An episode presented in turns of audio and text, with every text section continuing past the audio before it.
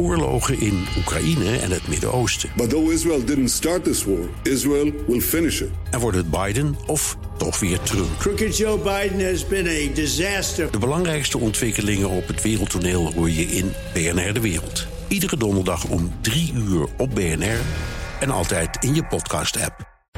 BNR Digitaal wordt mede mogelijk gemaakt door Incentro en SecureLink. SecureLink. Safely enabling business. Nieuwsradio. BNR Digitaal. Herbert Blankenstein. DDoS'ende lampen, afluisterend speelgoed en spionerende webcams. Het nieuwe kabinet wil dit soort lekken in Internet of Things apparaten voorkomen door veiligheidsstandaarden op te stellen. Of dat een goed idee is, dat bespreken we zo. En je hoort een gesprek met Matti van Hoef, de Belgische onderzoeker die het grote WPA2-lek ontdekte, waardoor opeens praktisch alle wifi-verbindingen onveilig zijn. Mijn backup is vandaag Ralf Monen, technisch directeur van beveiligingsbedrijf Secura. Hartelijk welkom. En we beginnen met het technieuws. Daarvoor is hier Iwan Verrips. Iwan, de opvouwbare telefoon is er min of meer. Ja, dat is een telefoon van het merk ZTE. Dat is een budget Android-merk. En ze hebben een nieuwe telefoon gemaakt, de Exxon M. En dat is een soort boekje dat je kan openklappen. En aan beide kanten van het boekje, waar normaal papiertjes zitten, daar zit dan nu een scherm. Dus het, scherm, het scherm zelf is dus niet buigbaar. Maar ja, als je het boekje openklapt, heb je twee schermen. Ja. En die kan je dan gebruiken als een soort uh, split screen. Ik kan me voorstellen dat dat in sommige situaties handig kan zijn. Dat je je aantekeningen rechts hebt en dat je links een, mail, een mailtje opstelt of zo. Maar ja, hoe je dat dan vasthoudt lijkt me weer heel ingewikkeld. Het ding heeft maar één camera, maar dat maakt eigenlijk niet uit. Want je kan het boekje, je kan de telefoon zo wisselen dat hij eigenlijk altijd als front of als achtercamera kan dienen. Dus het is een beetje een bijzondere verschijning. Zeker ook niet de eerste vouwbare telefoon en ook zeker niet de laatste. Maar ja, wel een budgetvariant hiervan, denk ik. Ja, maar wel ook weer iets waar je mee opvalt. Ja, zeker. Ja, je kantoor in virtual reality. Het kan, maar het bevalt niet helemaal. Nee, uh, de techverslaggever van The Guardian, Alex Hearn, heeft het geprobeerd. Een dagje heeft hij een Oculus Rift VR-bril opgehad achter zijn bureau. En ging hij aan de slag. Dus dan zie je een kantoor, uh, uh, ja, locatie om je heen. Heb je je eigen kamer, kan je dan zitten. Hè? Hoef je eindelijk niet meer op een redactie te zitten, maar heb je eindelijk je eigen kamer. je zit dan lekker in je eigen en bubbeltje. kantoortuin af. wel een paar bezwaren. Je hebt dus die bril op. Dus ja, dan moet je op de tast gaan zoeken waar je toetsenbord en je muis ja? liggen. Dat is niet ja? Zo handig. Uh, ander punt is, het ging fysiek pijn doen. Dus hij heeft hem een hele dag opgehouden, uh, onafgebroken.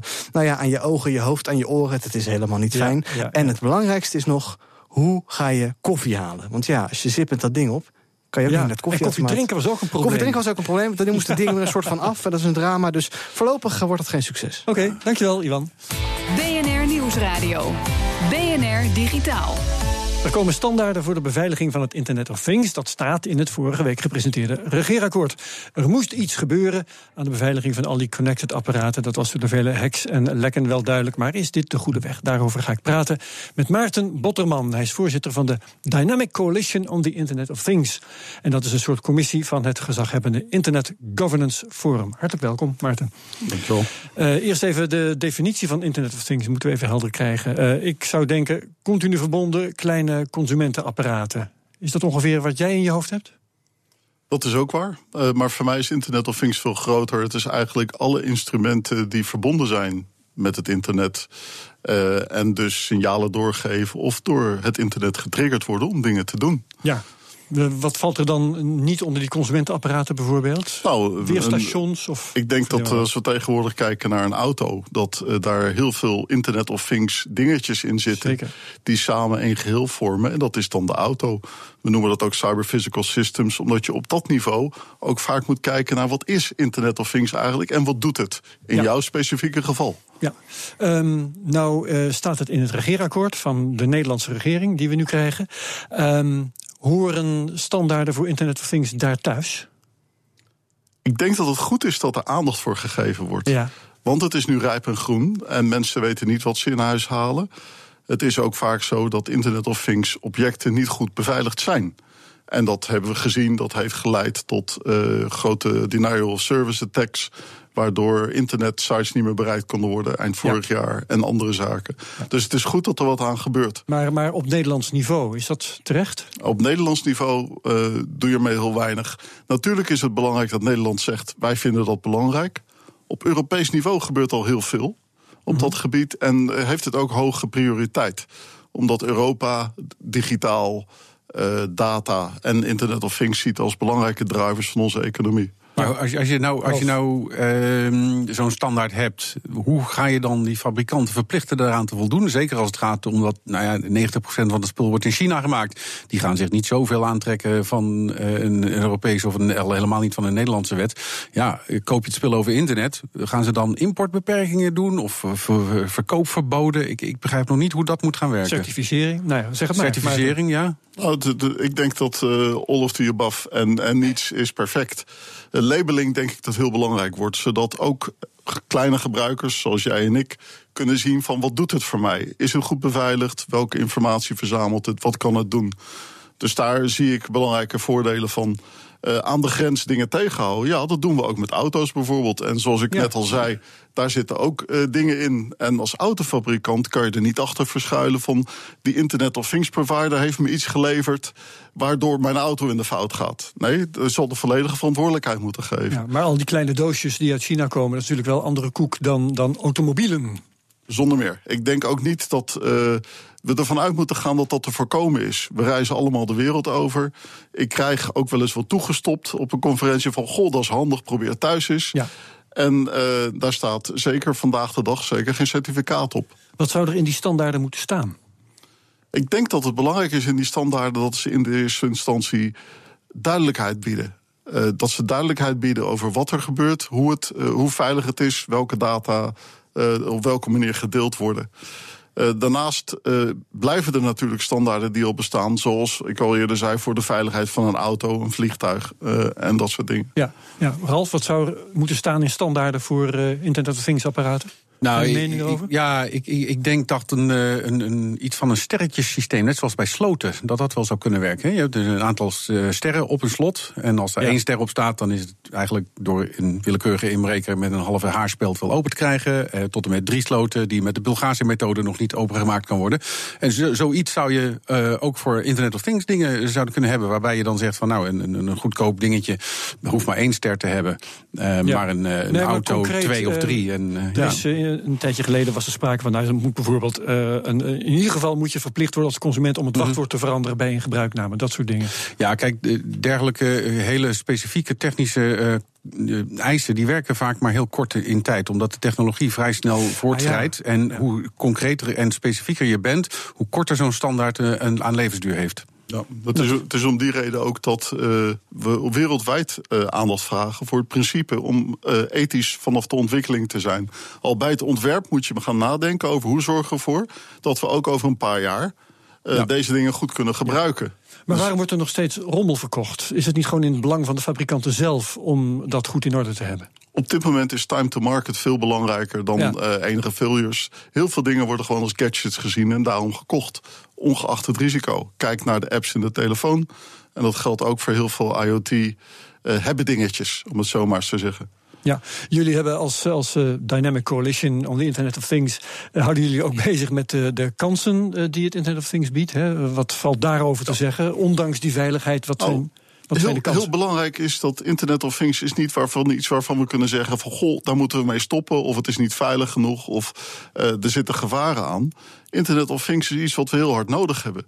Een heel duidelijk heel duidelijk voorbeeld is uh, uh, bijvoorbeeld de tsunami die een aantal jaar geleden geweest is. Ja. Uh, waarbij mensen verrast werden door een enorme golf.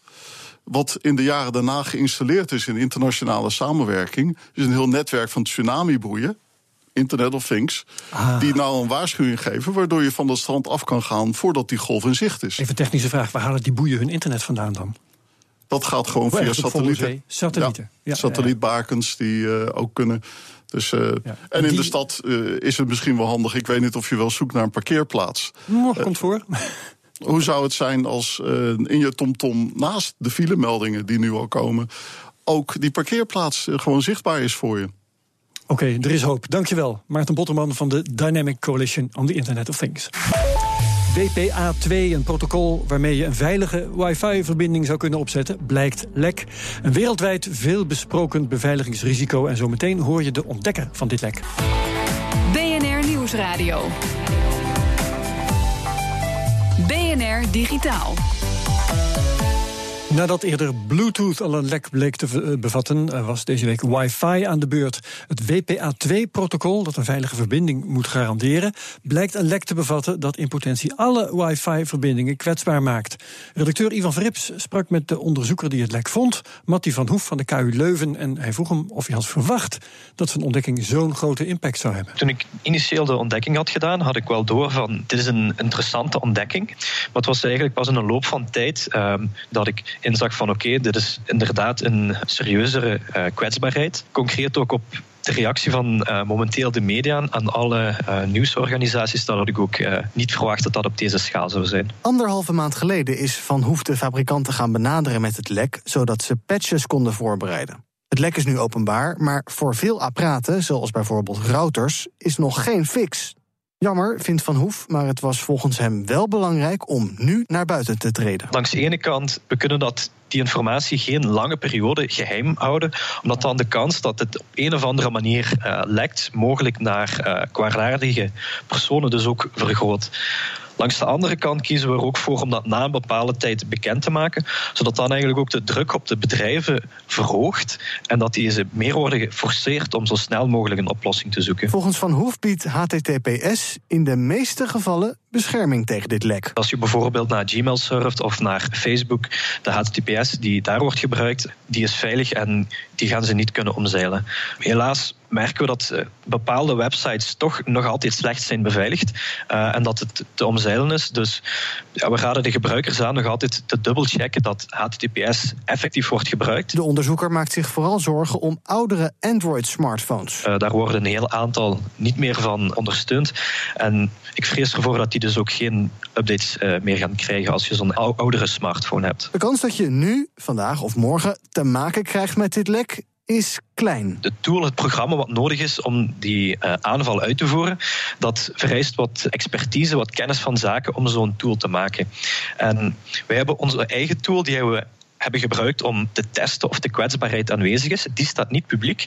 Dus momenteel is er geen als het ware klaargemaakt programma om die aanval uit te voeren. En moeten andere onderzoekers of hackers deze tool uh, vanaf nul maken, wat hun wat tijd zal kosten. Echter zou er wel binnen een paar weken een applicatie kunnen worden gemaakt die het misbruiken van dit lek makkelijk maakt. Als eindgebruiker van de wifi-verbinding hoef je dan niet per se door te hebben dat je verbinding gecompromitteerd is. Eén manier waarop misschien uh, dat je kan doorhebben is dat tijdelijk uh, bijvoorbeeld je smartphone de verbinding verbreekt met het netwerk en dan een paar keer probeert te herverbinden en dat dan dat je merkt dat je internet iets trager is, maar het is natuurlijk moeilijk te onderscheiden, want je internet kan trager zijn gewoon omdat het internet even trager is. Dus ik denk eigenlijk in het algemeen dat het niet evident is om door te hebben dat iemand die aanvallen aan het uitvoeren is. De meeste computers draaien natuurlijk op Windows. En een geruststellend woord, volgens Van Hoef is de kwetsbaarheid daar niet zo serieus. Heel laag zelfs. Dus je hoeft niet gelijk je laptop dicht te klappen en te disconnecten. Maar het gevaar is niet voorbij, want volgens de onderzoeker komen er in de toekomst wellicht nieuwe lekken in de beveiliging van wifi naar boven. We gaan het onderzoek nog altijd verder zetten. En we hebben enkele ideeën of enkele zaken die we graag nog onderzoeken. Nu, als daar serieuze zaken gaan uitkomen of niet, dat kunnen we moeilijk zeggen. Maar we gaan in ieder geval de beveiliging hiervan blijven controleren om te zorgen dat het inderdaad allemaal goed in elkaar steekt. En wil je een langere versie van het gesprek met Mattie van Hoef horen? Je kunt het zometeen vinden op bnr.nl/slash digitaal. BNR Nieuwsradio. Herbert Blankenstein. Huis en haard verkopen en dat dan omzetten in cryptovaluta. Dat doen alleen mensen die echt een rotsvast vertrouwen hebben in de toekomst van crypto. Didi Taihutu is zo iemand. Hij verkocht onder andere zijn huis en vele andere bezittingen en woont nu met zijn gezin op een camping in Venlo. Didi Taihutu is hier te gast vanuit Limburg via Skype. Hallo. Hoi, hoi. Kleine vertraging. Uitstekend hier. Met jou ook? Alles goed, ja, okay. dankjewel. Je hebt een achtergrond in de IT en je bent blijkbaar compleet overtuigd door de cryptovaluta. Hoe komt dat? Um, nou, ik, ik zit er inderdaad sinds 2010 in.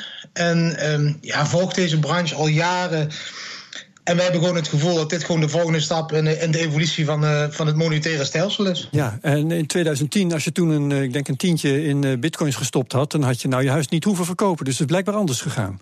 Nou, we hebben toen de tijd uh, bitcoins gemined. Mm -hmm. En die, die stegen op een gegeven moment naar 400 dollar. En toen hebben we ons heel erg rijk geteld. En toen zakte ze naar 200 dollar. Toen hebben we heel veel bitcoins verkocht. en, um, helaas wist ik toen nog niet wat, er nu, wat nu de koers zou zijn. Dus ja, dat was een, een kleine miscalculatie. Maar daarna hebben we gewoon nog heel veel leuke andere coins gemined waar we toch steeds nog van kunnen leven. Ja, ja, ja. Oh, dus je leeft van, het, van, van de handel in coins?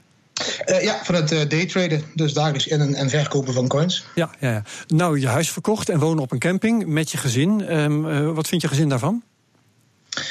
Nou, in, in, in, eerste instantie schrokken ze natuurlijk van het hele idee dat ik opperde. Want ja, goed, het is voor de kid vooral natuurlijk een, een grote stap om van een, ook, ja. Ja, een huis naar een kleinere campingplek te gaan. Maar uiteindelijk denken we dat het heel goed is voor de opvoeding van de kinderen om ze te laten zien dat de materialisme niet het allerbeste is in het leven. Dus ja, uiteindelijk zijn we met, als gezin hebben we gewoon besloten om die stap te nemen en het ja. avontuur aan te gaan. Hier zit Ralf Monen als mijn backup. Ralf, wat vind jij van deze stap? nou ja, het is uiteraard wel risicovol. Hè? Ik bedoel, er is natuurlijk geen enkele garantie dat dit uiteindelijk gaat lukken. Maar goed, als je. Maar jij bent toch, hebt toch ja. ook vertrouwen in, in met name Bitcoin, of niet? Ja, maar niet zoveel vertrouwen dat ik mijn huis ervoor verkoop hoor. Nee, nee, nee. nee. Ik heb wel, wel genoeg vertrouwen dat ik op, een, op een zakje Bitcoin zit te hodelen. en en te wachten op de toekomst. Eh, totdat ze 100.000 dollar per stuk waard zijn. Dat wel, ja. ja, ja, ja. Um, Didi, uh, zijn er veel mensen die jou voor gek verklaren?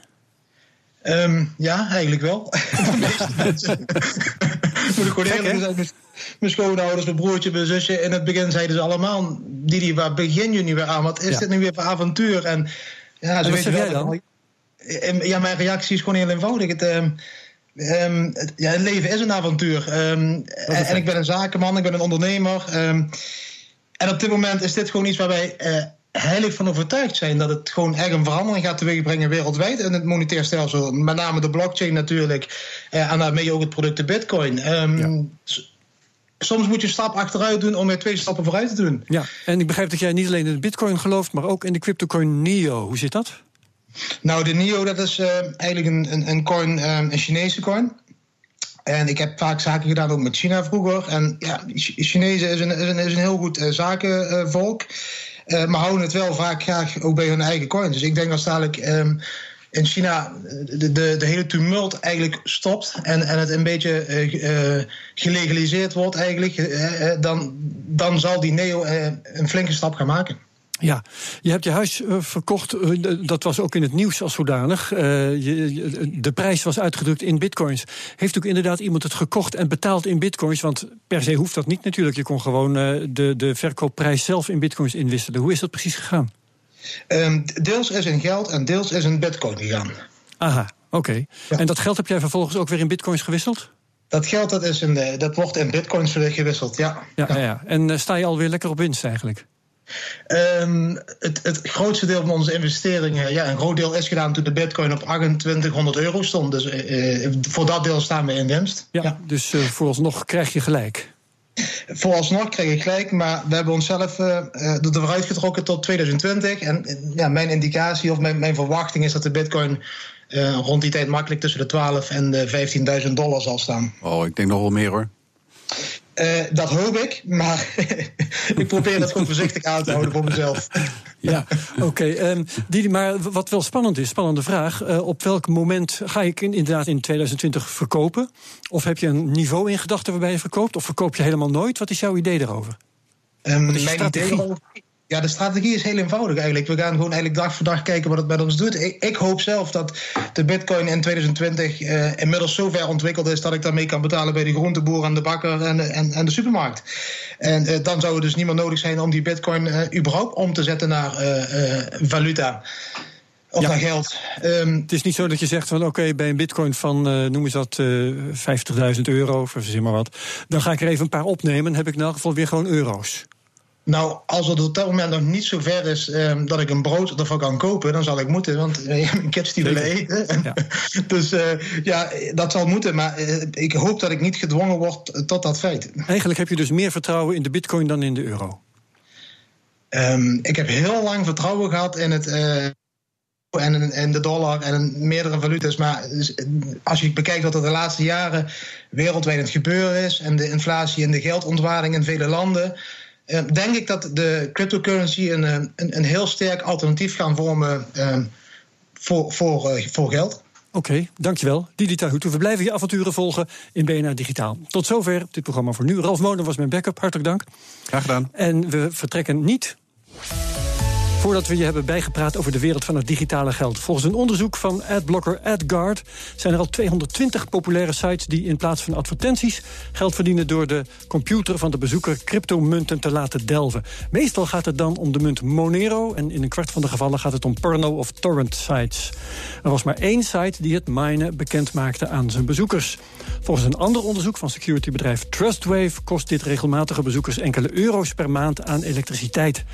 AdGuard blokkeert nu ook de cryptominers. Dat is mooi, maar het bedrijf is dus wel een beetje belanghebbend. Ten slotte Rob Jans op de redactie. Wat is één bitcoin waard op dit moment? 5.275